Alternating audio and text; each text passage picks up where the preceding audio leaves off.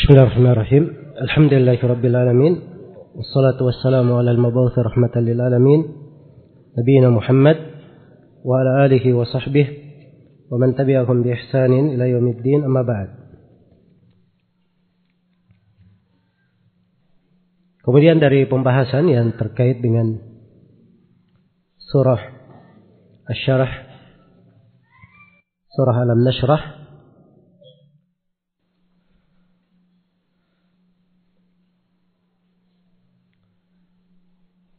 adalah terkait dengan masalah bersungguh-sungguh di dalam perkara dan tidak menunggu.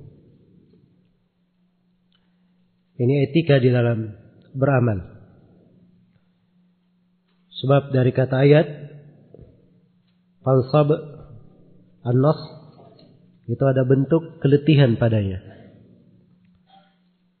Dia berdiri kembali dia letihkan dirinya kembali ini menunjukkan kesungguhan. Jadi begitu selesai langsung berdiri kembali. Tidak ada yang disebut istirahat atau turun minum atau minggu tenang. Hah? Hari cuti. Karena umur terus berlalu. Kesempatan akan dipertanyakan. Segala nikmat akan dipertanggungjawabkan.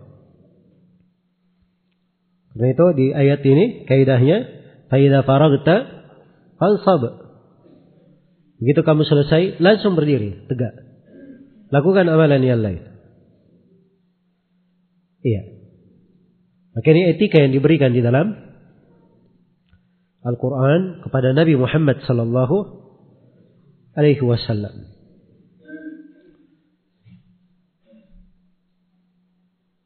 Kemudian pembahasan berikutnya terkait dengan masalah menjaga diri di atas amalan agar supaya wafat di atas husnul khatimah. Iya. Ini bisa dipahami ya. Begitu selesai beramal berdiri lagi, selesai langsung berdiri. Tidak ada istirahat. Untuk apa itu? Itu ada dua ayat yang semisal dengannya dalam Al-Qur'an. Ayat yang pertama firman Allah Subhanahu wa taala, "Ya ayyuhalladzina amanu taqullaha haqqa tuqatih wa la tamutunna illa wa antum muslimun." Wahai orang-orang yang beriman, bertakwalah kepada Allah dengan sebenar-benar takwa dan jangan sekali-sekali kalian meninggal dalam keadaan sebagai seorang yang berislam. Bagaimana cara menjaga diri tidak meninggal kecuali dalam keadaan sebagai seorang muslim?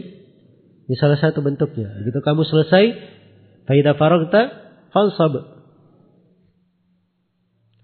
Ayat yang kedua yang menafsirkan adalah ayat di akhir surah Al-Hijr. Perintah Allah kepada nabinya, wa'bud rabbaka hatta ya'tiyakal yaqin.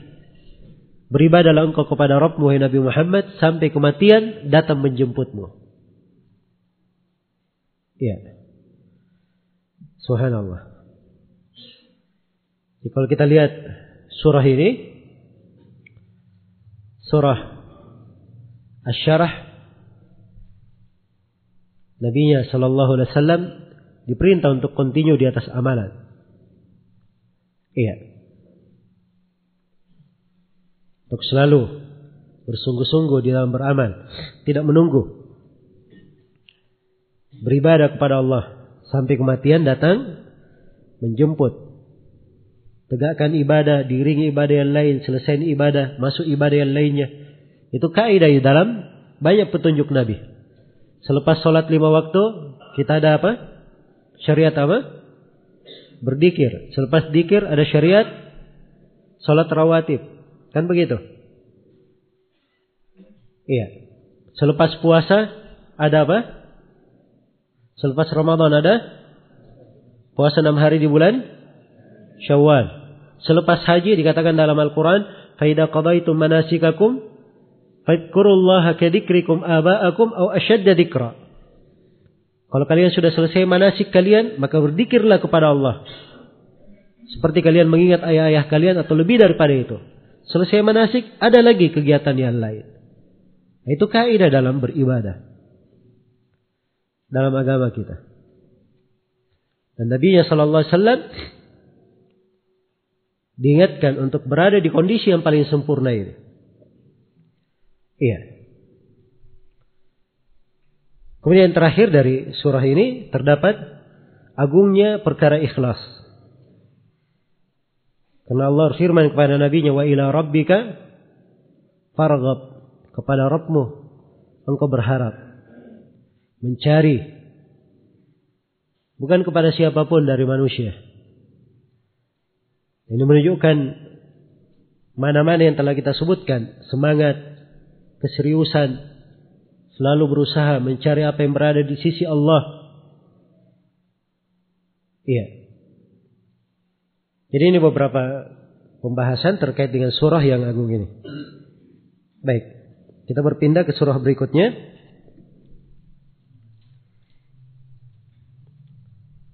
Surah berikutnya surah At-Tin. Surah At-Tin, surah Makkiyah juga.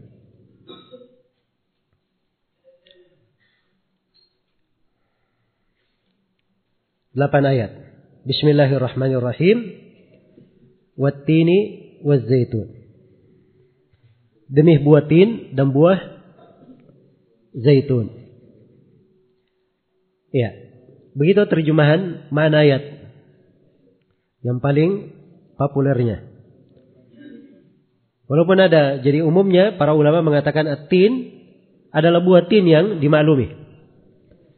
Dan zaitun adalah buah zaitun yang dimaklumi.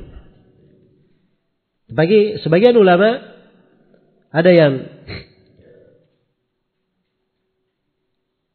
mengatakan bahwa yang diinginkan dengan Atin itu adalah gunung di Damaskus dan Zaitun adalah gunung di Baitul Maqdis. Gunung di Baitul Maqdis. Iya. Tapi ini semuanya adalah hal-hal yang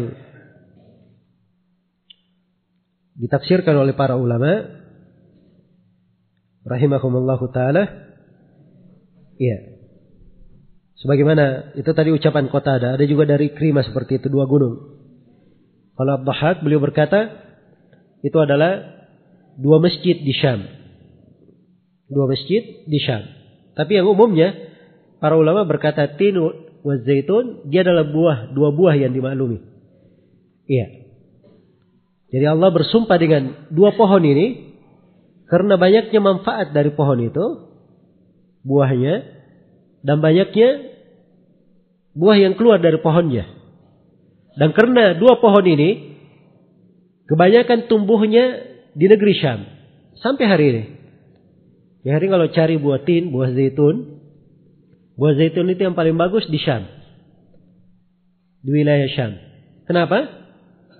Itu banyak sebabnya ya. Selain sudah dari dahulu di sana, gampang tumbuhnya, cuacanya juga adalah cuaca yang paling bagus di sana. Untuk pohon zaitun. Sehingga dari sisi kualitas hasil zaitun tidak ada yang melebihi kota Damaskus di seluruh dunia. Dan itu dimaklumi. Semua orang yang tahu buah zaitun memahami itu. Iya. Jadi kalau dia karena di, di negeri Syam dimaklumi bahwa tempat kenabian Nabi Isa alaihi salam di mana? Di Syam. Iya, Nabi Isa alaihi salam. Jadi watiri wa zaitun wa turi sinin. Wa turi sinin ini bukit Tur. Ya, Tur artinya Eh, gunung, gunung Tur, Sinin, secara bahasa dari Sina, artinya dia adalah Sina itu adalah nama tempat antara Mesir dan Filistin. Karena itu dikatakan Bukit Tur. Tur Sinin yang berada di Sinin. Iya. Dan itu tempat Nabi Musa alaihissalam menerima wahyu. Wahadal baladil amin. Dan negeri yang aman ini? Negeri yang aman ini. Yaitu negeri apa? Negeri Mekah. Kenapa? Karena Mekah ini itu adalah keamanan untuk manusia. Siapa yang masuk di dalamnya, dia aman. Iya. Karena Mekah ini siapa yang ingin aman, di masa jahiliyah maupun di masa Islam, di masa jahiliyah dahulu maupun di masa Islam setelah Nabi diutus, itu semuanya ke Mekah. Dia adalah negeri yang aman. Mekah ini. Iya. Akan datang nanti penjelasan kualitas amannya di tafsir surah Al-Fil dan surah Al surah Quraisy. Baik. Jadi ini Mekah. Mekah di situ siapa? Nabinya? Nabi Muhammad sallallahu alaihi wasallam. Yang pertama watini wa zaitun, buatin dan zaitun di Syam. Nabi siapa di situ? Nabi Isa. Waturi sini Nabi siapa? Nabi Musa. Wahadal baladil amin. Siapa di situ? Nabi Muhammad sallallahu alaihi wasallam. Iya. Ini menunjukkan keagungan sumpah pada tiga ayat ini. Sumpah yang agung ini untuk menegaskan masalah apa? Ini di ayat yang keempat. Maksud dari adanya sumpah. Apa yang ditegaskan? Laqad khalaqanal insana fi ahsani taqwim. Laqad khalaqana sungguh kami telah menciptakan manusia fi ahsani taqwim dalam bentuk yang sebaik-baiknya. Iya, dalam bentuk yang sebaik-baiknya. Baik.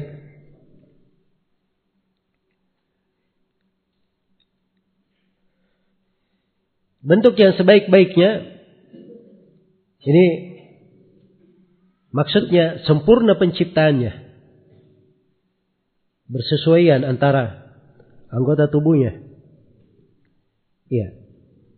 Tampak bagaimana manusia ini diciptakan sempurna oleh Allah Subhanahu wa taala. Iya. Jadi Allah bersumpah bahwa manusia telah dicipta dengan bentuk yang sebaik-baiknya. Thumma radadnahu asfala safilin. Kemudian kami kembalikan manusia ini. Kemudian kami kembalikan manusia ini ke tempat yang serendah-rendahnya. Atau kepada hal yang serendah-rendahnya. Begitu bagus terjemahannya ya. Kepada hal yang serendah-rendahnya. Sebab di sini ada dua penafsiran. Kalau saya, kita bilang tempat, itu penafsiran yang kedua nanti. Ya. Ke hal yang serendah-rendahnya, penafsiran yang pertama, dia akan dikembalikan kepada kondisi manusia yang paling rendahnya, paling bawahnya, paling lemahnya. Iya. Paling lemahnya. Nah, itu biasanya anak bayi, orang yang lumpuh, orang yang lemah, atau orang yang sudah sangat tua rentah. Nah, itu kondisi yang paling bawahnya. Kalau dibahasakan di ayat yang lain, ardalil umur umurnya yang paling rendah. Umurnya yang paling tidak baik. Iya, karena dia tidak kuat di situ. Dikembalikan kepada kelemahannya. Iya. Jadi ini penafsiran yang pertama. Nanti manusia dicipta, setelah itu dikembalikan kepada kondisi yang paling rendahnya. Ketika dia masuk ke dalam kondisi yang sudah sangat tua, pikun, ada yang pikun, atau yang semisal dengannya. Penafsiran yang kedua, ada yang menafsirkan asfala safilin, dia akan dikembalikan ke neraka. Dikembalikan ke neraka. Ini dua penafsiran dari as-salaf. Iya. Dan dari dua penafsiran ini, sebenarnya tidak bisa dikatakan bahwa ayat ini mencakup dua-duanya. Memang kebanyakannya memakai proses tarjih di sini. Syekhul Islam Ibnu Taimiyah dan didukung oleh Ibnu Qayyim menguatkan pendapat yang kedua. Ya. Bahwa dia adalah neraka. Sampai Ibnu Qayyim kuatkan pendapat ini dari 10 sisi. Di sebagian pembahasannya di Miftah dari Sa'adah. Dan sebagian ulama yang lain dan ini mayoritas ulama mereka mengatakan bahwa tempat yang serendah-rendahnya di umur yang sudah tua. Ya. Kondisi yang paling tuanya manusia. Nah, ini dikuatkan oleh banyak ulama. Ala kulli setiap dari pendapat ini ya terkait padanya makna. Jadi kalau dikaitkan dengan ayat setelahnya illal ladina amanu wa amilus salihat kecuali orang yang beriman dan beramal salih. Kalau dibangun di atas penafsiran yang pertama, sungguh kami telah menciptakan manusia dalam bentuk yang paling baik, kemudian kami kembalikan dia ke tempat yang ke, ke, ke kondisi yang serendah-rendahnya kecuali orang yang beriman dan beramal salih. Ini ada maknanya. Kecuali orang yang beriman dan beramal salih walaupun di kondisi tua, dia sudah pikun, dia tidak bisa mengingat, keimanan dan amalan solehnya masih bermanfaat baginya. Iya. Kalau di atas penafsiran yang kedua, berarti manusia dicipta oleh Allah, kemudian setelah itu pasti masuk ke neraka. Kecuali orang yang beriman dan beramal saleh. Iya. Maka ini dua penafsiran as-salaf di dalam ayat. Iya. Walaupun saya sendiri lebih condong kepada penafsiran yang pertama. Karena ayat ini konteksnya adalah surah Makkiyah. Dan uh, kaum musyrikin di Mekah kebanyakan khitab adalah membuka akal mereka dengan hal yang biasa mereka lihat. Karena kaum musyrikin di Mekah mengingkari hari kebangkitan. Kalau disebutkan neraka, mereka asalnya tidak percaya hari kebangkitan kaum musyrikin. Apalagi terkait dengan ayat yang setelahnya. Fama dibuka apa? Ba'du biddin. Nah, ini lebih mendukung pendapat yang pertama. Jelas ya? Baik. Kalau hal ini pembahasan yang mungkin agak panjang ya, tapi saya berikan isyarat-isyarat di dalam hal tersebut. Jadi kita lihat kembali ke ayat yang keenam, illal ladina amanu wa amilus salihat falahum ajrun gairu mamnun. Kecuali orang-orang yang beriman dan beramal salih, maka untuk mereka pahala yang apa? Gairu mamnun, yang tidak terputus. Maksudnya di sini gairu mamnun, ya, tidak ada diungkat man di situ. Dia tidak dikotori dengan diungkit-ungkit. Maksudnya, dia adalah amalan yang tidak ada putusnya. Tidak pernah sirna, tidak berhenti. Iya. Hal yang tidak berhenti. Jadi kecuali orang yang beriman dan beramal salih, maka ditulis untuk mereka pahala yang tidak ada hentinya. Tidak terputus. Iya. Nah di sini kita lihat kalimat tidak terputus. Kalau dia ditafsirkan dengan umur kembali kepada kondisinya nanti, kondisi serendah-rendahnya, masuk tua pikun. Jadi kalaupun dia tua pikun tidak bisa bikin apa-apa lagi, lumpuh, tetap saja pahalanya mengalir. Bagi orang yang beriman dan beramal salih, tidak terputus. Dan ini pendukung, ini ada pendukungnya ya. Dari hadits Nabi Shallallahu Alaihi Wasallam dalam Sahih Al Bukhari, Rasulullah Sallallahu Alaihi Wasallam bersabda, "Idza maridal abdu aw safar, kutiba lahu ma kana ya'maluhu mukiman sahihan." Apabila seorang hamba itu dia sakit atau dia melakukan perjalanan, maka amalan yang biasa dia lakukan itu tercatat sebagai amalan solehnya yang biasa dia kerjakan ketika dia mukim dan ketika dia sehat. Iya. Sekarang ada musafir. Dia melakukan perjalanan. Kan dia kosor kan? Biasanya musafir jalan dia menjama, tidak melakukan sholat sunnah.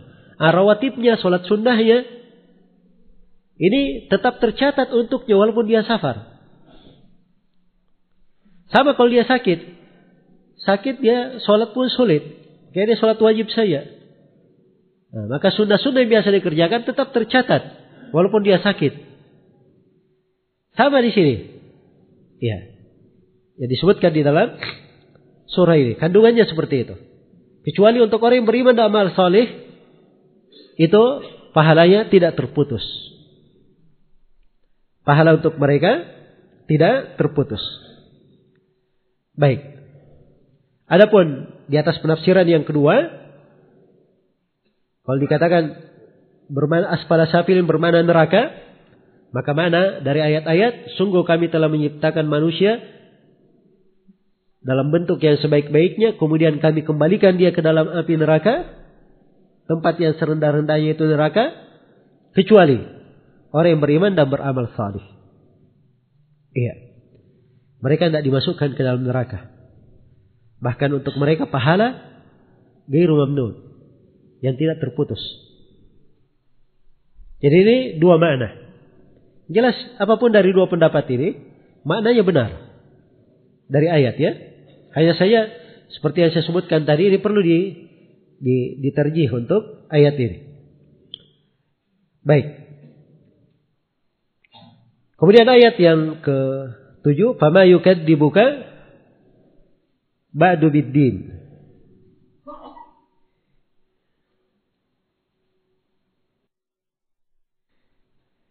Iya. Fama dibuka ba'du biddin. Maka apakah yang menyebabkan kamu mendustakan hari pembalasan? Setelah adanya keterangan-keterangan sebut. Iya. Ini hujah-hujah yang sangat kuat. Maka setelah itu, apakah yang menyebabkan engkau mendustakan hari kebangkitan tersebut? Iya.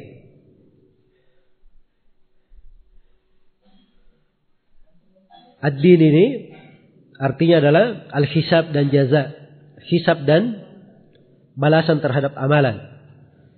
Sama dengan mana din di surah Al-Fatihah. Maliki yaumiddin. Yang maha memiliki hari pembalasan. Hari hisab. Ya, itu mana din. Ad-din bukan artinya agama ya. Apa yang menyebabkan kamu mendustakan agama? Tidak. Sekarang setelah hujah dan argumen ini. Iya. Maka engkau hai manusia, apakah yang menyebabkan kamu mendustakan hari pembalasan? Tidakkah kamu yakin setelah melihat berbagai tanda-tanda hujah-hujah dan argumen-argumen tersebut? Alaihissallahu biahkamil hakimin. Kemudian ayat yang terakhir, Alaihissallahu biahkamil hakimin. Bukankah Allah hakim yang seadil-adilnya. Iya. Biahsadil hakimin itu diartikan hakim yang seadil-adilnya. Ini terkait dengan pembalasan. Dia menghisap Jalla Jalaluh.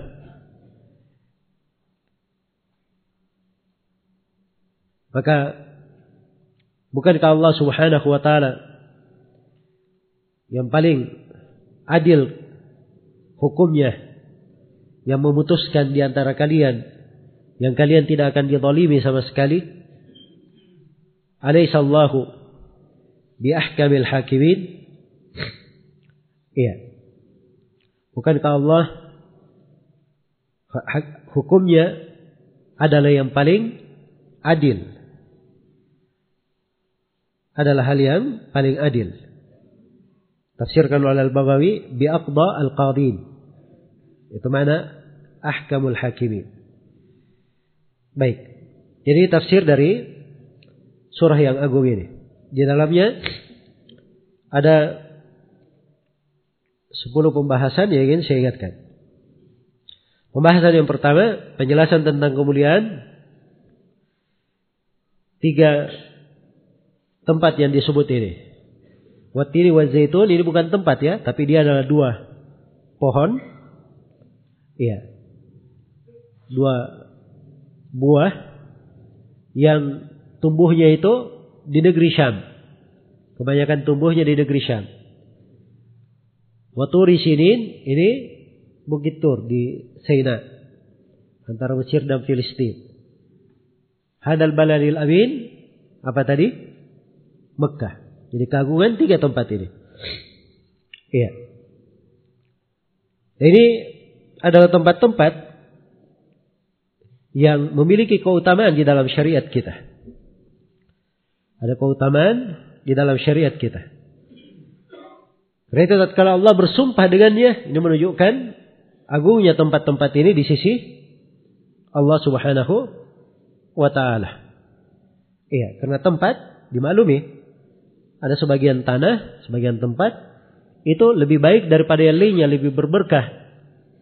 Di Mekah salat di Masjidil Haram itu seperti seratus ribu kali di masjid yang lain.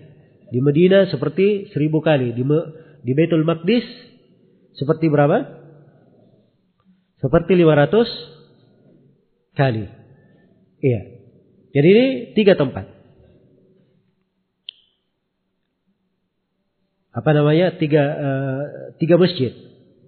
Menunjukkan bahwa tempat itu bisa saja sebagiannya lebih bagus daripada yang lainnya. Sama di dalam ayat ini ketika disebutkan Allah bersumpah dengan tiga hal ini, maka ini menunjukkan agungnya Tiga perkara ini. Kemudian pembahasan yang kedua terkait dengan masalah pengagungan keamanan di dalam Islam. Keamanan itu adalah hal yang dibesarkan dalam agama ini. Ketika Allah bersumpah dengan Mekah, bukan kotanya saja yang disebut, tapi sifatnya. Negeri yang apa? Yang aman keamanan di kota Mekah ini. Aidan disinggung. Ya, menunjukkan bahwa keamanan itu adalah perkara besar yang dijaga di dalam agama. Allah bersumpah dengannya.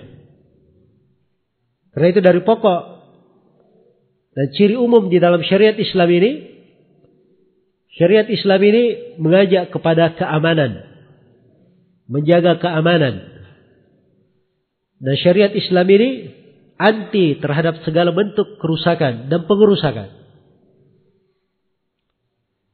Iya. Ini dasar agama harus dipahami. Ya kalau ada orang yang senangnya bikin ribut-ribut, ya, gemar bikin keonaran, sering bikin aksi-aksi yang membuat manusia takut, ya, ini mereka sangka bahwa mereka melewati jalan yang biasanya dilalui oleh manusia akhirnya terputus. Membuat orang-orang yang rumahnya di sekitar situ menjadi khawatir. Dikiranya bahwa dalam hal itu tidak ada masalah. Itu masalah besar di dalam agama. Iya. Karena itu membuat takut siapa pun dilarang. Apalagi dia adalah seorang muslim.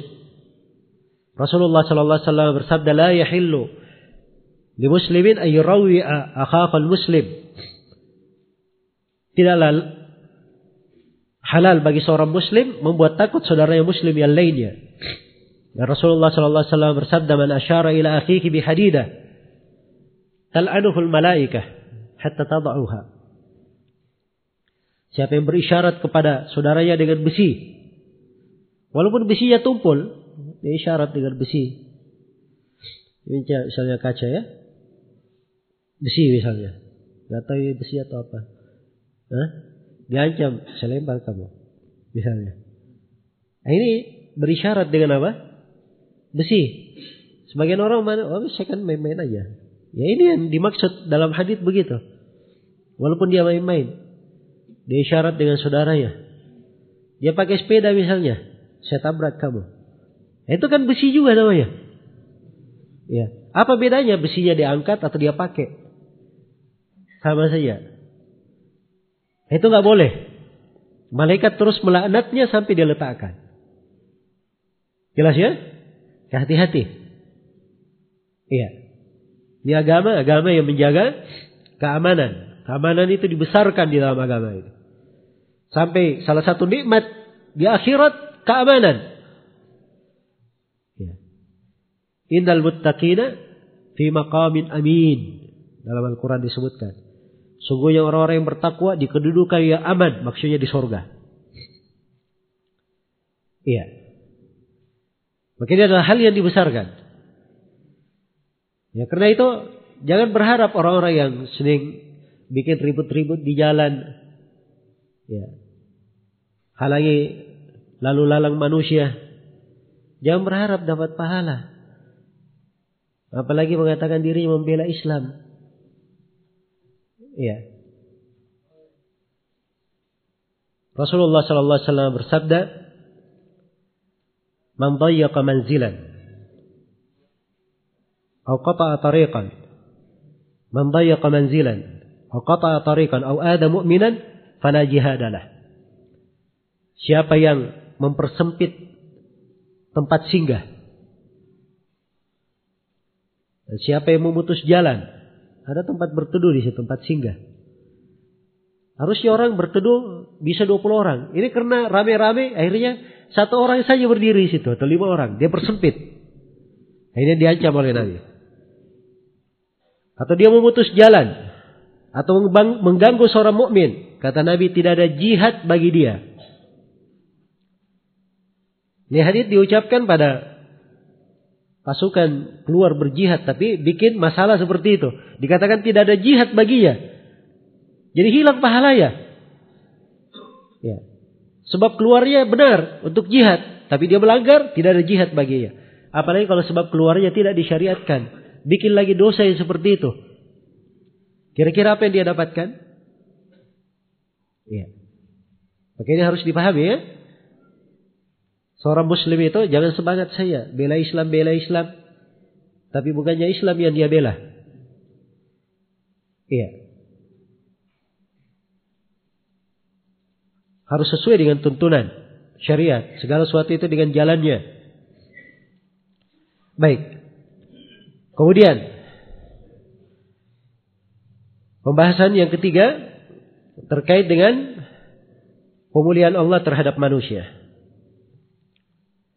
Iya. Pemulihan Allah Subhanahu wa taala terhadap manusia. Dikatakan thumma radadnahu asfala safirin. Uh, baik, dikatakan laqad khalaqanal insana fi ahsani taqwim. Sungguh kami telah menciptakan manusia dalam bentuk yang sebaik-baiknya. Ini pemulihan terhadap manusia. Iya. Jadi manusia dimuliakan oleh Allah. Seperti dalam ayat ini. Seperti di ayat yang lain. Walakad karramna bani Adam. Sungguh kami telah memuliakan anak Adam. Hanya saja kemuliaannya sisinya di mana? Letaknya di mana? Akan datang nanti di dua ayat setelahnya. Itu penjelasan letak kemuliaannya. Ya. Ya dari sisi penciptaan Allah Subhanahu wa taala ciptakan hamba ini. Ada kemuliaan dalam penciptaannya. Tahapannya juga kalau ayat ini ditafsirkan dengan ayat-ayat terkait dengan penciptaan manusia itu tampak sekali kesempurnaan penciptaan Allah untuk manusia ini. Betapa baiknya penciptaannya. Tapi tentunya agak panjang ya diuraikan karena terkait dengan banyak tempat yang memuat ayat-ayat seputar penciptaan manusia. Iya. Kita di kajian ini metodenya antara ringkas dan sedang. Baik. Yang keberapa sekarang? Yang keempat. Iya. Penegasan bahwa manusia akan dikembalikan ke mana? asfala safilin. Iya. Nah, ini semuanya bahasa-bahasa Al-Quran. Menjelaskan bahwa kedudukan manusia, kemuliaannya itu itu bergantung pada sesuatu dan terkait dengan agama. Bukan kemuliaan bukan kemuliaan manusia dilihat dari sisi dia manusia. Tidak.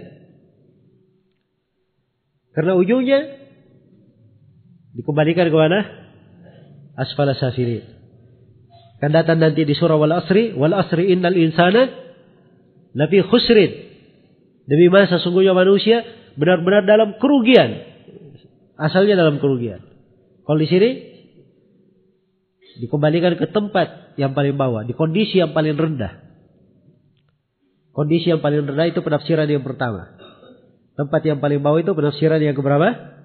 Yang kedua tadi. Iya. Jadi seorang manusia harus tahu hakikat dirinya itu bagaimana. Letak kemuliaannya di sisi Allah itu apa? Iya. Nah, ini yang diingatkan di berbagai ayat Al-Quran. Bukan di sini saja. Bukan di surah Wal Asr saja. Di banyak tempat. Dari surah-surah di Juz, Juz Amma. Yang sebelumnya. Ya. Maupun di tempat-tempat lainnya dalam Al-Quran. Banyak tempat.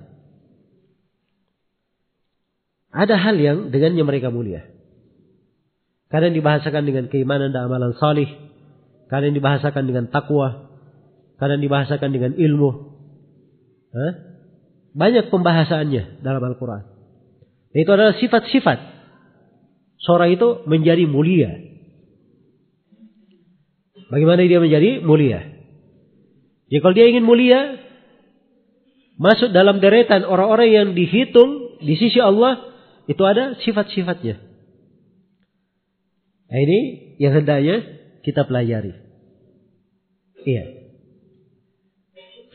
Ini yang mau kita redungi dengan seksama. Baik. Illal ladina amanu wa amilus salihat. Kecuali orang-orang yang beriman dan beramal salih. Falahum ajrun ghairu mamnun. Maka untuk mereka ada pahala yang tidak terputus. Pertama di sini, yang kelima ya berarti ini keutamaan iman dan amalan salih. Berulang ya di banyak tempat dalam Al-Quran keutamaan iman dan amalan salih. Sekaligus disebut dua. Keimanan dan amalan salih. Karena memang manfaatnya sangat besar dan itu pokok keselamatan hamba. Keimanan dan amalan salih. Dan terdapat penegasan bahwa amalan masuk dalam amalan itu iya punya keterkaitan erat dengan iman. Dan amalan masuk di dalam iman.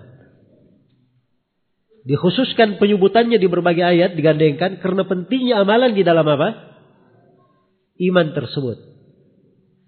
Ini bantahan terhadap kelompok murjiah yang mengeluarkan amalan dari apa? Dari keimanan. Iya. Jadi terdapat keutamaan iman dan amalan salih. Dan ini pembahasan panjang ya. Sebab kalau kita bacakan ayat-ayat saja tentang keimanan dan amalan soleh dalam Al-Quran, betapa banyak ayat dalam hal tersebut. Mungkin lebih 100 ayat yang menjelaskannya. Iya. Yang keenam, terkait dengan amalan orang-orang yang beriman dan amalan soleh yang tidak terputus. Amalan yang tidak terputus. Iya. Jadi kalau di penafsiran yang pertama dikembalikan ke kondisi yang paling rendah. Itu terdapat keutamaan keimanan dan amalan salih. Jadi walaupun dia sudah pikun, tua misalnya, dia sudah lumpuh, dan sebagian orang tua dia tidak sadar sama sekali, tidak ingat.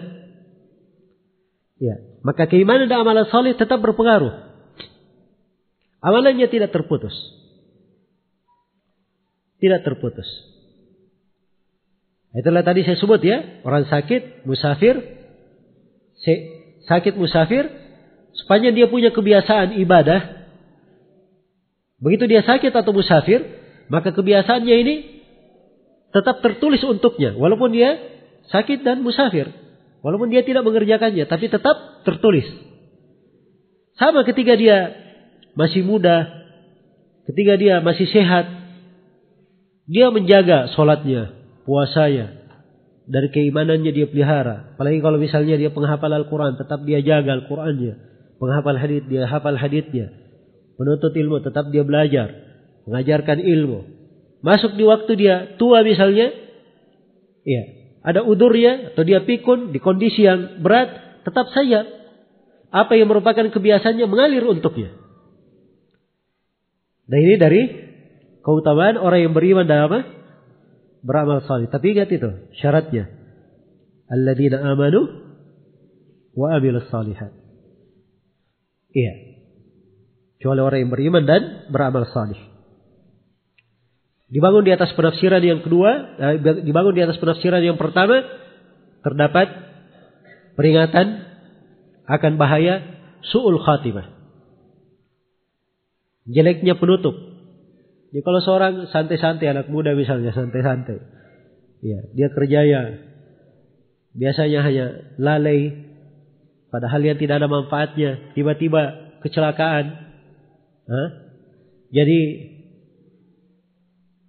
tidak sadar, tidak mengerti apa-apa, ya maka tidak ada yang bisa dia dapat kecuali kenakalannya saja. Ya. Nah ini masuk dalam su'ul khatimah. Karena itu seorang di kondisi apa pun dia pelihara dirinya. Berada di atas ketaatan. Walaupun ada satu hal yang dia jaga. Karena sebagian orang, Masya Allah, kalau hadir pengajian seperti ini semangat ya. Bugu-bugu semangatnya. Seakan-akan mau terbang.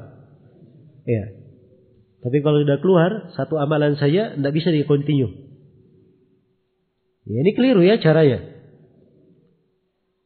Dia satu amalan dia jaga. Mulai dari satu dulu. Ya. Salat salat lima waktu di masjid. Satu dia jaga. Sudah bisa seperti itu? Di masjid salat lima waktu dia jaga. Tidak pernah terlambat takbiratul ihram. Iya. Tidak pernah terlambat takbiratul ihram. Kan itu ada kiat-kiatnya, tidak pernah terlambat takbiratul ihram. Iya. Dia ingin jaga lebih daripada itu, dia tidak pernah terlambat sholat nafilah Qobliyahnya. Iya. Ingin meningkat lebih daripada itu? Nah ini keadaan sebagian para salaf. Ada yang dia 20 tahun. Ya, selama sholat 20 tahun itu. Dia mendengar adan di dalam masjid. Apa artinya kalau dia mendengar adan dalam masjid? Terlambat takbiratul ihram? Dia memang datang lebih awal dari muadzinnya. Jadi dengar adanya di dalam masjid terus. Nah pernah mana? Di luar. Akhirnya lebih tinggi lagi. Ya. Begitu cara mendidik diri. Ada satu hal yang dia pelihara, dia jaga. Iya. Kita sebagian sahabat masuk ke masjid. Sebelum dia masuk, Nabi berkata, akan masuk nanti seorang lelaki dari penduduk sorga. Subhanallah. Begitu sahabat ini masuk, dilihat oleh para sahabat. Setelah selesai majelis, Abdullah bin Amr bin As mengikuti sahabat yang masuk tadi. Kemudian dia berkata bahwa saya ingin tinggal di tempat engkau.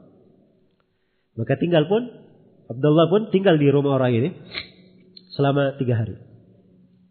Melihat apa amalannya yang dikerjakan orang ini sampai Nabi bilang dia penduduk sorga Masya Allah. Nah ini menunjukkan semangatnya para sahabat. Iya. Semangatnya para sahabat. Maka selama tiga hari Abdullah bin Amr bin As tidak melihat apa-apa. Bukan orang yang kondisi yang hari puasa di malam hari.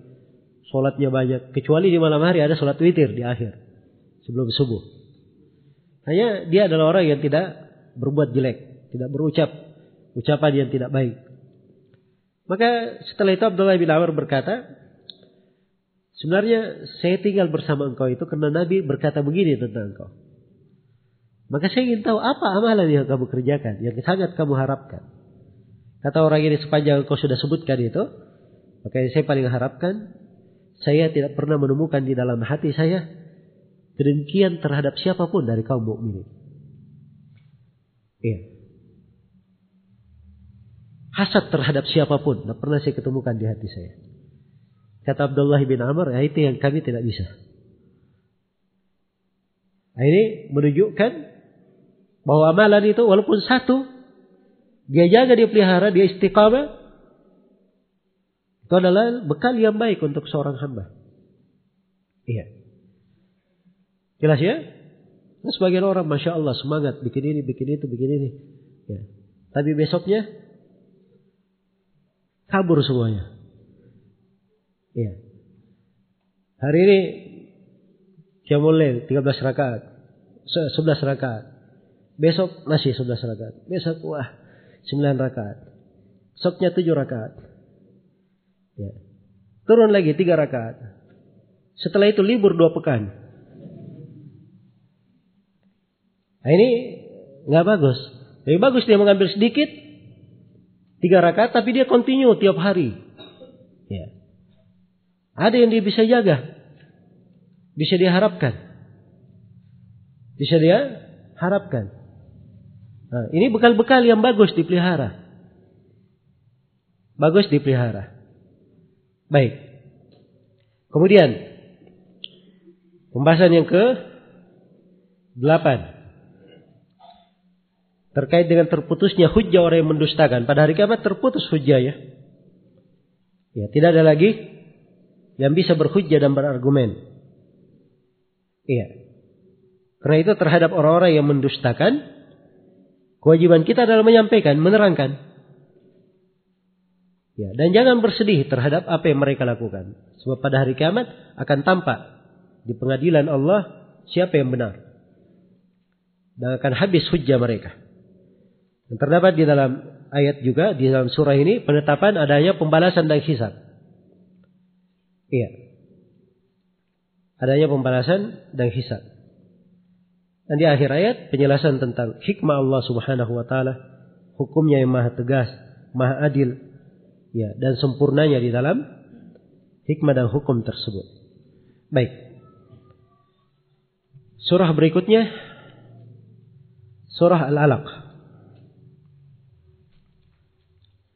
Ya, surah Al-Alaq ini adalah surah Makkiyah menurut kesepakatan ulama. Ya, dan saya kira tidak ada yang silam pendapat di sini. Kenapa? Iqra bismi rabbikal ladzi Halak semua orang memahami itu adalah awal apa? Awal surah yang turun kepada Nabi Shallallahu Alaihi Wasallam lima ayat pertama adalah ayat-ayat yang pertama turun kepada Nabi dengannya beliau diutus sebagai seorang Nabi. Jadi ayat pertama sampai kelima itu adalah awal ayat yang turun dari Al-Quran. Ayat yang keenam dan seterusnya itu turun setelahnya. Di kejadian. Ada kejadiannya. Jadi ini satu surah Ayat pertama dan sampai kelimanya ada sebab turunnya. Ayat keenam sampai selesai ada sebab turunnya. Jelas ya? Dan itu bisa terjadi pada satu surah. Satu surah ada beberapa sebab turun untuk ayat. Iya. Ini surahnya pendek ya. Kalau kita baca surah Al-Baqarah, nah itu banyak sebab turun ayat-ayat itu. Iya. Dan di sini banyak renungan ya, karena ini ayat yang pertama turun. Setelah itu ayat lanjutannya baru dimasukkan setelahnya. Ketika turun, Nabi perintah untuk diletakkan di situ. Karena Al-Quran itu turun secara apa? Cara bertahap. Ya. Beransur-ansur turunnya. Kan begitu? Ya, begitu ada ayat yang turun, maka Nabi perintah dia diletakkan di sini, letaknya setelah ini. Tempatnya di surah ini. Ya. Itu semua ada urutannya. Baik. Jadi di surah ini kita akan baca maknanya.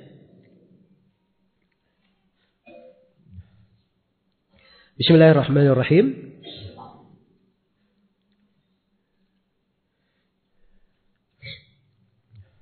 Iqra bismi rabbikal ladzi khalaq. Ya. Bacalah dengan nama Rabbmu yang mencipta. Baik.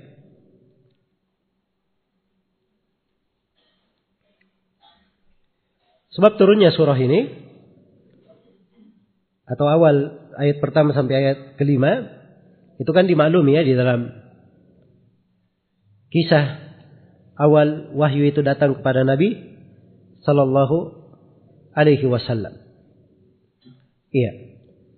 Di mana awal wahyu itu datang kepada Nabi, mimpi yang salih datang kepada beliau. Setelah itu beliau akhirnya senang untuk bersendirian. Maka beliau pun bersendirian di gua Khira. Beliau mengambil bekal bersendirian di sana beribadah. Ya beberapa hari setelah itu balik ke keluarganya, persiapkan lagi bekal. Sampai akhirnya datang kepada beliau Jibril. Dalam kisah yang masyhur itu. Jibril berkata, Iqra, bacalah. Nabi berkata, Ma Nabi Qari. Saya bukan orang yang bisa membaca. Maka Jibril pun mengambil Nabi lalu memeluknya sampai sesak nafas beliau. Kemudian Jibril melepaskannya. Kemudian kembali berkata, Iqra, bacalah. Nabi kembali mengulangi. Mana biqari? Saya tidak mampu membaca. Iya.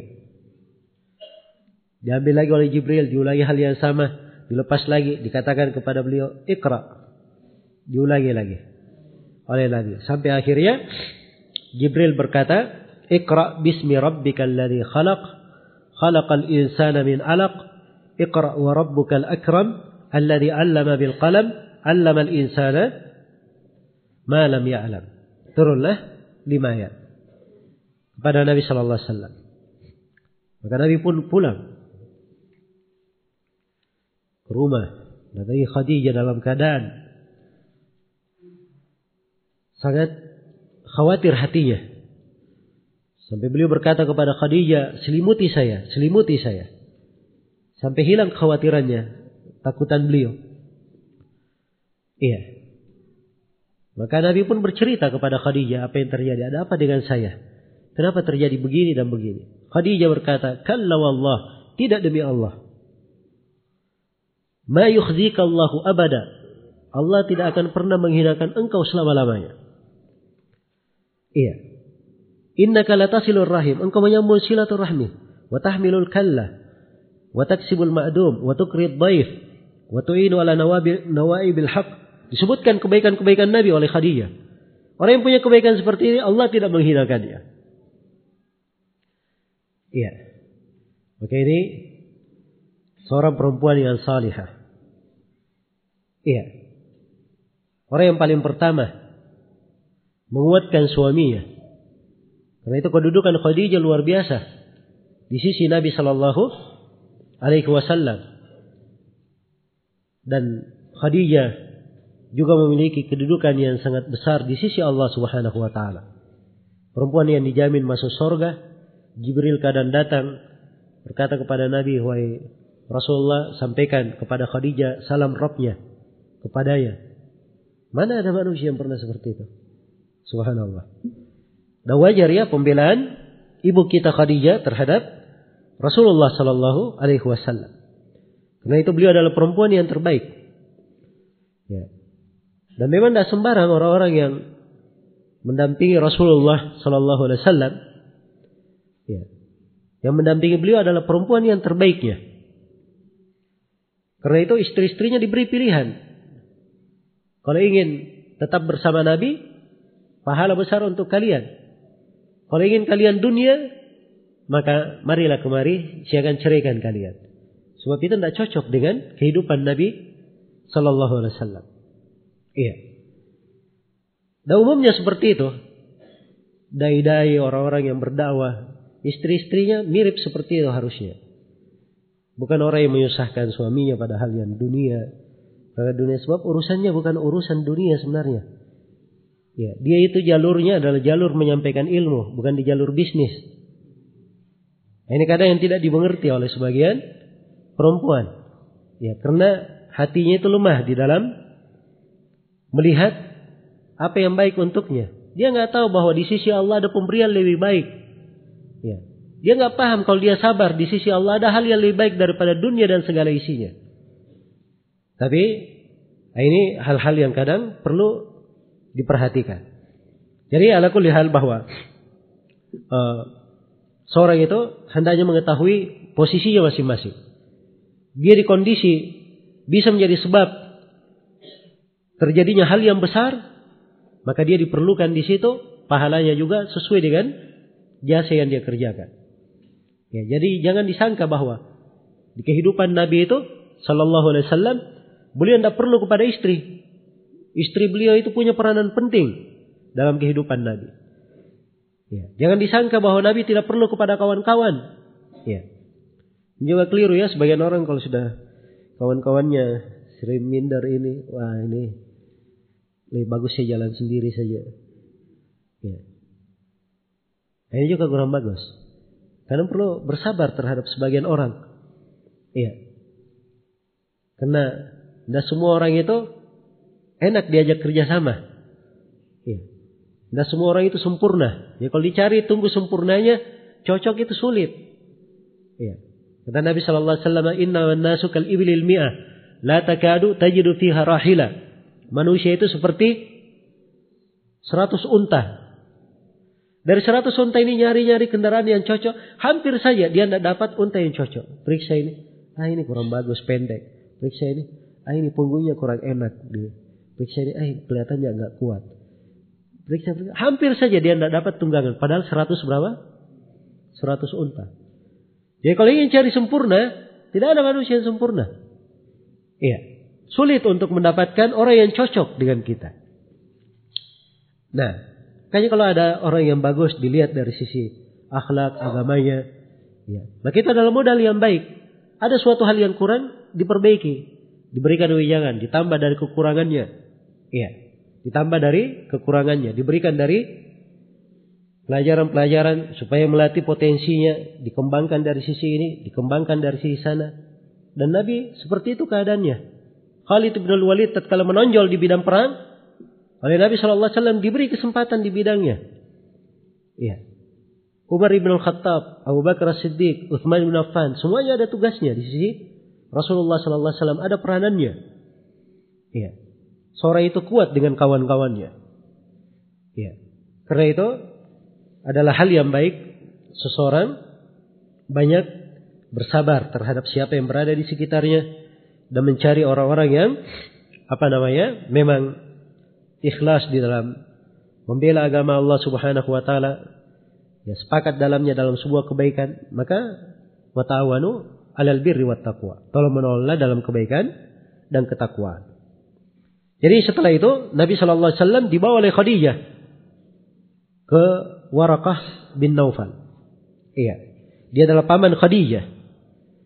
Dan Warakah bin Naufal ini seorang Nasrani yang dia beragama Nasrani di masa jahiliyah menulis kitab Taurat, kitab Injil dengan bahasa Arab.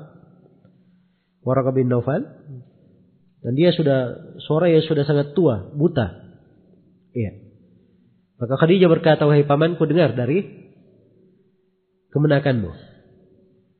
Maka Rasulullah pun bercerita apa yang beliau lihat. Maka Waraka bin Naufal berkata, "Hadan namus alladhi anzalallahu ala Musa." Iya. Kata beliau itulah namus yang Allah turunkan kepada Nabi Musa. Sama. Yang membawa wahyu kepada engkau itu sama dengan yang membawa wahyu kepada Nabi Musa. Kemudian Warqa bin Naufal berkata, Ya, ya laitani fiha jada'an. Laitani akunu hayyan it yukhrijuka qaumuka. Kata beliau, wahai andai kata saya dalam keadaan masih muda. Wahai andai kata saya masih hidup ketika kaummu mengeluarkan engkau nanti dari negerimu. Iya. Maka Rasulullah bersabda, "Awa mukhrijiyahum? Apakah kaumku akan mengeluarkan saya dari negeriku?" Kata Warakah, "Na'am, lam ya'ti rajulun qad." Ya. Ma ji'ta bihi illa udi. Tidak tidaklah seorang datang dengan perkara yang kamu bawa kecuali dia pasti akan dimusuhi. Wa yudrikni yaumuka ansurka nasran mu'azzaza. Ansurka nasran mu'azzara. Kata beliau, andai kata saya, kata Warqa bin Naufal, andai kata saya mendapati nanti hari engkau diutus, hari hari engkau dikeluarkan oleh kaummu, maka saya akan menolong engkau dengan pertolongan yang sangat kuat. Iya. Tapi setelah itu, Warqa bin Naufal tidak lama meninggal. Kemudian berjalanlah wahyu. Jadi Warqa bin Naufal ini masuk dalam deretan sahabat. Dia sudah membenarkan Nabi Shallallahu Alaihi Wasallam. Karena itu kalau baca biografi para sahabat seperti Al Isaba, Ibnu Hajar mencatat Warqa bin Naufal di antara nama-nama sahabat Nabi Shallallahu Alaihi Wasallam. Jadi ini kisah turunnya wahyu. Sebab turunnya lima ayat pertama dari surah Al-Alaq ini. Iqra bismi rabbikal ladzi khalaq. Baik ini kita sudah baca sebab turun ya. Terkait dengan masalah tafsir ayat-ayatnya waktunya sudah dekat jam 5 uh, eh, untuk saat ini ada waktu tersisa untuk tanya jawab hingga jam 5 tepat.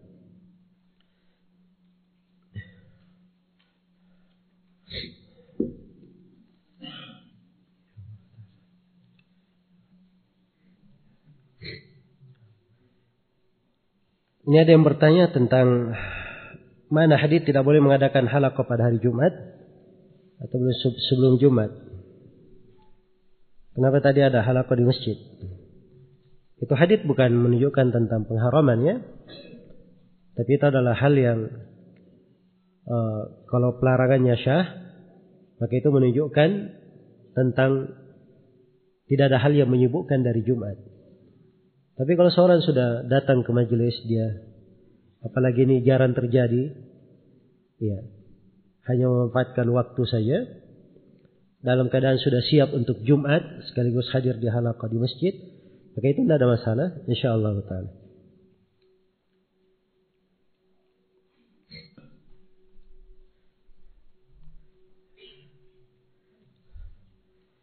Beberapa waktu lalu di, di daerah saya sering terjadi kasus kehilangan uang. Kata warga itu disebabkan oleh jin tuyul. Kemudian ada orang yang menyarankan agar tempat yang agar tempat uang itu diberi cermin agar jin tersebut tidak berani mengambilnya. Apakah hal tersebut perbuatan syirik? Mohon penjelasannya. Ya kalau dia tuyul itu adalah jin, ya jin memang bisa berbuat ya sesuatu seperti itu, mencuri, ya berwujud itu memang Allah beri kemampuan kepada jin bisa seperti itu. Ya kalau ada kejadian seperti itu mungkin saja. Tapi hal-hal yang seperti itu yang orang tidak melihat langsung. Itu sebaiknya seorang tidak usah peduli. Iya. Tidak usah diperhatikan. Apalagi kalau modelnya seperti ini. Tempat uangnya bagusnya diberi cermin. Ya apa hubungannya dengan jin ada cermin tidak ada cermin sama saja. Iya. Itu tidak ada hubungan sama sekali. Kalau dia meyakini hal tersebut bisa mengusir jin, nah itu bisa masuk dalam bentuk kesyirikan. Sebab itu hubungan sebab akibat yang tidak ada dasar ya. Tidak jelas. Iya, maka itu bisa masuk di pembahasan syirik, syirik asgar.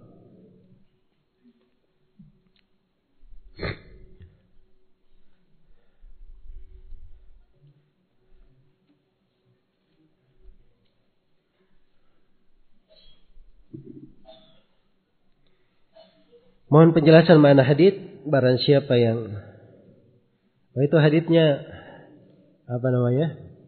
Man adraka takbiratul imam, takbiratul ihram al imam arba'ina lailah kutibat lahu bar bara'atan, bara'atun minan nifaq wa bara'atun minan nar. Siapa yang uh, apa namanya? Mendapatkan takbiratul ihram bersama imam selama 40 malam, maka ditulis untuknya dua pembebasan. Pembebasan dari kemunafikan dan pembebasan dari api neraka. Kata penanya, misalnya di hari ke-41, ia ketinggalan sholat berjamaah. Apakah kembali kepada kemunafikan? Enggak, kalau dia sudah menjaga 40, itu dia dapat keutamaan. Tapi kalau dia di hari ke-41 dia uh, ketinggalan misalnya, ya maka itu kemunduran ya. Tapi dari sisi syarat yang disebut dalam hadis dia sudah dia sudah dapatkan. Ya, dan ini mungkin penanya cuma sekedar bertanya saja. So kalau dari sisi kejadian itu tidak tergambar. Biasanya orang kalau sudah terbiasa dia 40 hari komitmen dia hadir, maka dia akan continue di atas hal itu. Dia akan berlanjut terus. Iya. Karena itu jarang ada yang melakukannya karena biasanya kalau dia tidak serius, dia tidak mampu untuk sampai seperti itu, menjaganya. Kalau dia kapan sudah mampu menjaga, maka itu insya Allah sudah menjadi kebiasaannya. Sudah menjadi kebiasaannya.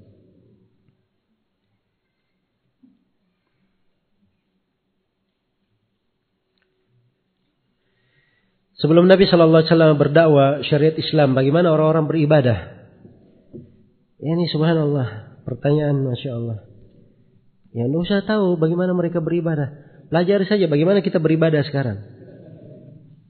Yang paling penting sekarang pelajari.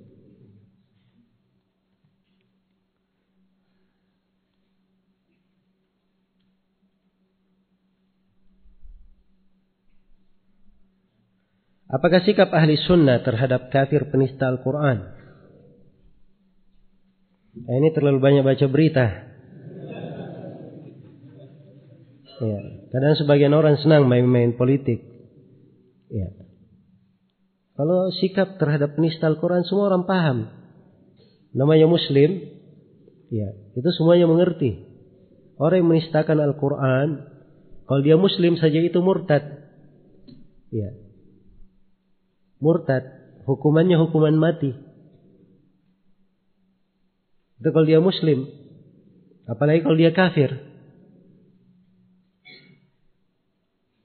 Dan ini terkait dengan masalah peradilan. Kalau dia memutuskan apa yang dijatuhkan untuknya. Nah,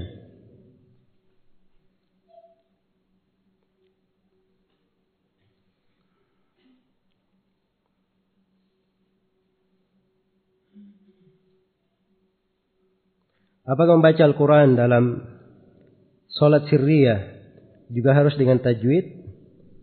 apakah tartil dalam sholat wajib atau mustahab. Yang membaca Al-Quran dalam kadar apa namanya? Yang dia benar bacaannya dalam kadar yang dia benar bacaannya. Ya, benar maknanya. Adapun kalau dia baca maknanya tidak benar, maka itu tidak syah bacaannya nanti. Kalau dia baca dengan tajwid itu akan lebih bagus. Ya.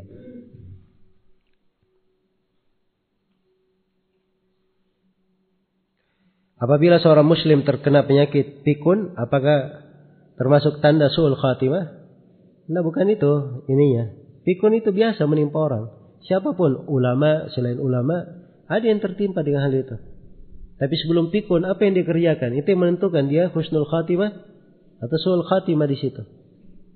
Kalau sebelum pikunnya dia adalah orang yang soleh baik, kemudian dia pikun, ah ini berarti dia di atas hal yang baik. Karena itu yang terjaga. Keimanan dan amalan salih walaupun dia pikun tetap mengalir untuknya.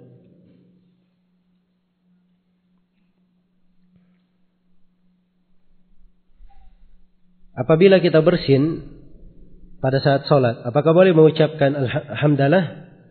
Jawabannya boleh saja tapi tidak dikeraskan. Dia membaca alhamdulillah tidak ada masalah karena Arabi yang bersin itu dia membaca alhamdulillah ya Sahabat tidak menjawabnya, dia ribut setelah itu ya dalam kisah panjang. Ketika Nabi menegur sahabat yang bersin ini, hanya ditegur jangan berbicara. Ya, ribut-ribut dalam sholat. Tidak ditegur masalah dia membaca Alhamdulillah ya. Menunjukkan bahwa itu boleh saja. Tapi sebaiknya kalau dia sholat, tidak usah dia baca. Dia sibuk dengan sholat saja. Karena Rasulullah Sallallahu Alaihi Wasallam bersabda, Inna fis salati syuglan. Sungguhnya dalam sholat itu kesibukan yang menyibukkan. Dia hendaknya sibuk dengan bacaan sholatnya.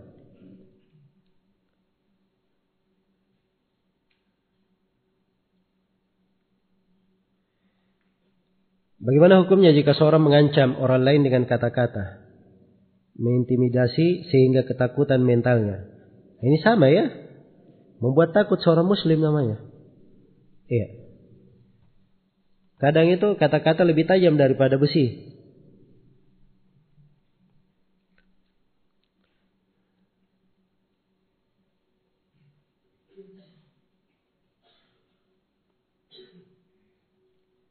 Bagaimana cara seorang istri membantu suami dalam berdakwah? Ya ini pertanyaan yang bagus ya. Mudah-mudahan yang bertanya istri beneran. Ya. Jadi yang pertama dia ikhlas kepada Allah itu awalnya. Kemudian yang kedua, dia harusnya menyadari bahwa Allah Subhanahu wa taala telah memilihkan untuknya seorang pendamping hidup. Ya, dengan pernikahan itu dia terima ketentuan dan takdir Allah Subhanahu wa taala. Merasa ridha dengan apa yang Allah pilihkan untuknya. Kemudian yang ketiga, seorang itu banyak mengingat kehidupan akhirat dan apa yang berada di sisi Allah Subhanahu wa taala. Ya. Dan itu dalam Al-Quran dikatakan, Ya nisa'an Nabi, in kuntunna turidina al-hayata ad-dunya wa zinataha, fata'alayna umatti'kunna wa usarrihkunna sarahan jamila. Wa in kuntunna turidina Allah wa ad-dar al-akhirah, fa inna Allah a'adda lil muhsinati minkunna ajran 'azima. Wahai istri-istri Nabi, kalau kalian menghendaki kehidupan dunia dan gemerlapnya, maka marilah kemari. Aku akan menceraikan kalian dan memberikan hadiah untuk talak kalian. Tapi kalau kalian menghendaki Allah dan hari akhirat, maka Allah menyiapkan untuk orang perempuan-perempuan yang berbuat baik pahala yang sangat besar. Jadi dasarnya dia cinta apa yang berada di sisi Allah. Itu pokok. Dengan itu dia bisa membantunya. Kemudian yang keempat, nah ini fikih yang banyak ditelantarkan oleh perempuan. Dia tidak mengerti bahwa kalau seorang perempuan itu terhadap suaminya, dia membantu pekerjaan suaminya, membuat suaminya bisa berbuat kebaikan, dia juga dapat andil dalam kebaikan itu. Karena dia menjadi sebab membantu siapa? Suaminya. Ya, coba lihat ya istri-istri itu. Kalau dia rewel misalnya ini, biasanya suaminya juga terganggu kan begitu. Ya. Sampai kan ada kalimat di umum itu, kan mereka sebutkan itu di belakang pria sukses ada seorang perempuan yang hebat kan begitu. Ya. Biasanya memang seperti itu. Jadi perempuan apabila membantu, ya, maka kegiatan-kegiatan yang muncul dari suaminya juga akan bagus. Nah, maka di situ letak pentingnya. Ya, seorang melatih diri dengan percaya diri. Kemudian yang kelima dari pokok dan kiat adalah seorang perempuan mengetahui bahwa sorganya itu sebenarnya di rumahnya. Dan sorganya itu terkait dengan masalah ketaatannya kepada suaminya dan membantunya dalam kebaikan. Itu sebenarnya sorga dia. Iya. Maka semakin baik dia dalam hal itu, maka akan semakin teduh dia di dalam taman-taman sorga.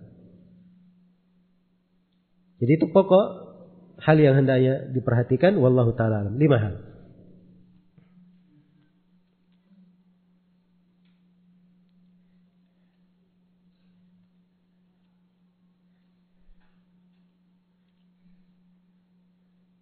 Apa yang dimaksud dengan ayat segala yang ada di langit dan bumi bertasbih?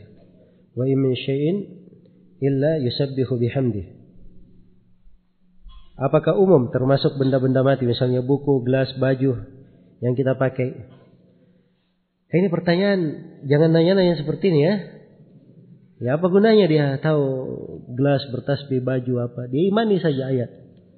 Ya, walakin la tafqahuna tasbihahum, tapi kalian tidak paham bagaimana tasbihnya. Sudah dibilangin gitu nanya-nanya lagi. Ya. Itu belajar jangan buka pintu-pintu pertanyaan seperti ini. Saya beritahu dari awal. Jangan buka pintu pertanyaan seperti ini. Belajar dulu hal-hal yang bagus, fondasi-fondasi dasar. Nanti hal-hal yang seperti ini walaupun bisa diuraikan, itu nanti dipelajari.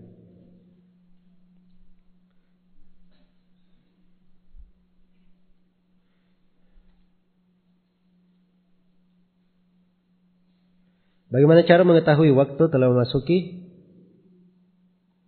waktu duha? Matahari setinggi tombak itu seperti apa? Ya ini kalau mau mengetahui matahari setinggi, setinggi tombak itu bukan di Solo tempatnya. Ya, sebab di Solo ini nggak kelihatan matahari apa terbit tertutup apa bangunan-bangunan. Begitu. Yang saya tahu gitu ya. Kecuali kalau berada di padang pasir, di gurun pasir, di pinggir laut, nah itu baru bisa melihat. Maka caranya untuk mengetahui ini, dia melihat daerah sekitarnya atau memakai perhitungan hisap apa namanya matahari itu yang berjalan sekarang. Itu bisa dipakai ya sebab biasanya itu mencocoki sesuai dengan keadaan. Ya terbukti ya.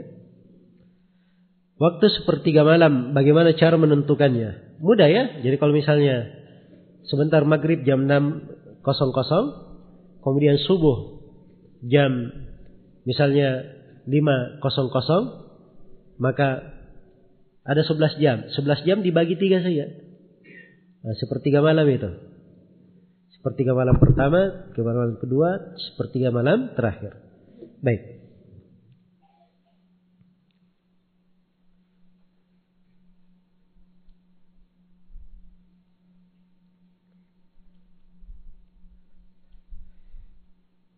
Ini minta dijelaskan lagi ungkapan ayat itu tidak dapat diterjemahkan karena yang diterjemahkan adalah makna ayat. Ya, kalimat dari ayat-ayat itu tidak bisa diterjemahkan. Tapi yang diterjemahkan makna kalimatnya. Makna kalimatnya. Nah kalimat kalau diterjemahkan kan artinya diganti kalimatnya. Seakan-akan posisinya sama dengan ayat itu. Padahal ayat tidak bisa disamakan dengan kalimat apa pun dalam bahasa Arab yang lain. Apalagi dengan kalimat selain bahasa Arab.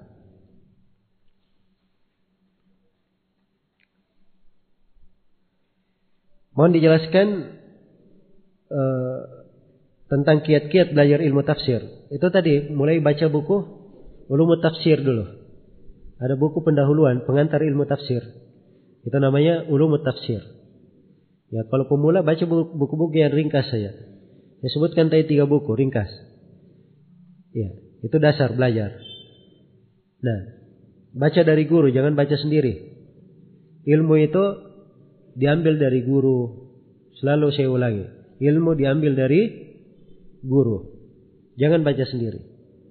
Kalau ada ceramah misalnya dia dengar nggak ada masalah. Tapi kalau ada mas, kalau ada hal yang tidak jelas dia tanya langsung ke guru. Dia datangi. Nah, yang paling bagusnya dia dengar dari, jangan dia dengar dari ceramah, hadir langsung di halakoh.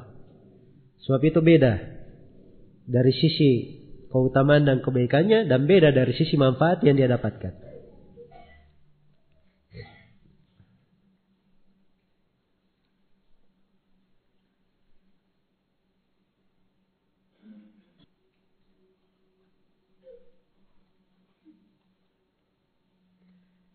Baik ini ada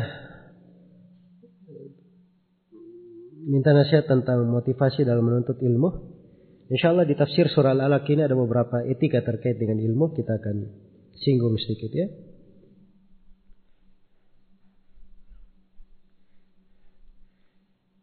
Mohon penjelasan pentingnya ilmu usul fikih. Ilmu, ilmu usul fikih itu bagi seorang penuntut ilmu yang sudah belajar dari pembahasan akidah, hal-hal yang wajib yang dia pelajari, maka bagus dia belajar ilmu usul fikih supaya dia bisa memahami keindahan syariat, memahami dengan benar ucapan para ulama, tahu metode pendalilan, ya dan dia mengerti asal usul dari mana hukum-hukum itu keluar, ya.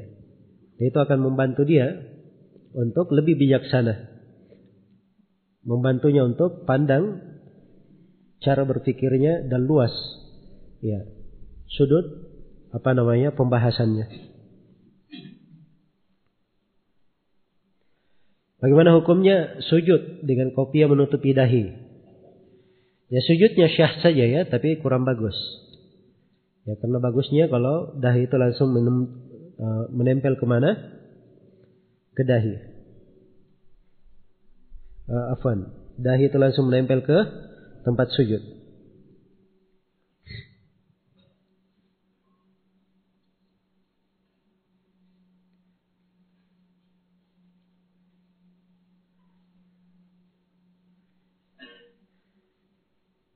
Mohon dijelaskan mengenai satu kesulitan tidak bisa mengalahkan dua kemudahan.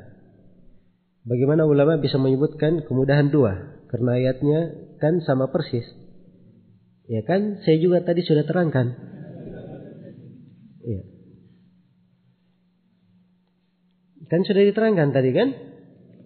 Fa'in namal usri yusra. Fa'in namal usri yusra. Al-usur yang artinya kesusahan itu pakai alif lam, ada alnya, al usur. Jadi ketika disebut dua kali dia sama yang diinginkan. Hal yang sudah jelas sama satu aja. Tapi yusron itu nakirah, kemudahan. Nah jelas siapa dia. Ketika ada lagi yang lain, ini juga lain. Berarti dia dua di sini. Kalau al usur itu sama walaupun dua kali disebut, tapi dia sama yang diinginkan. Itu membedakan.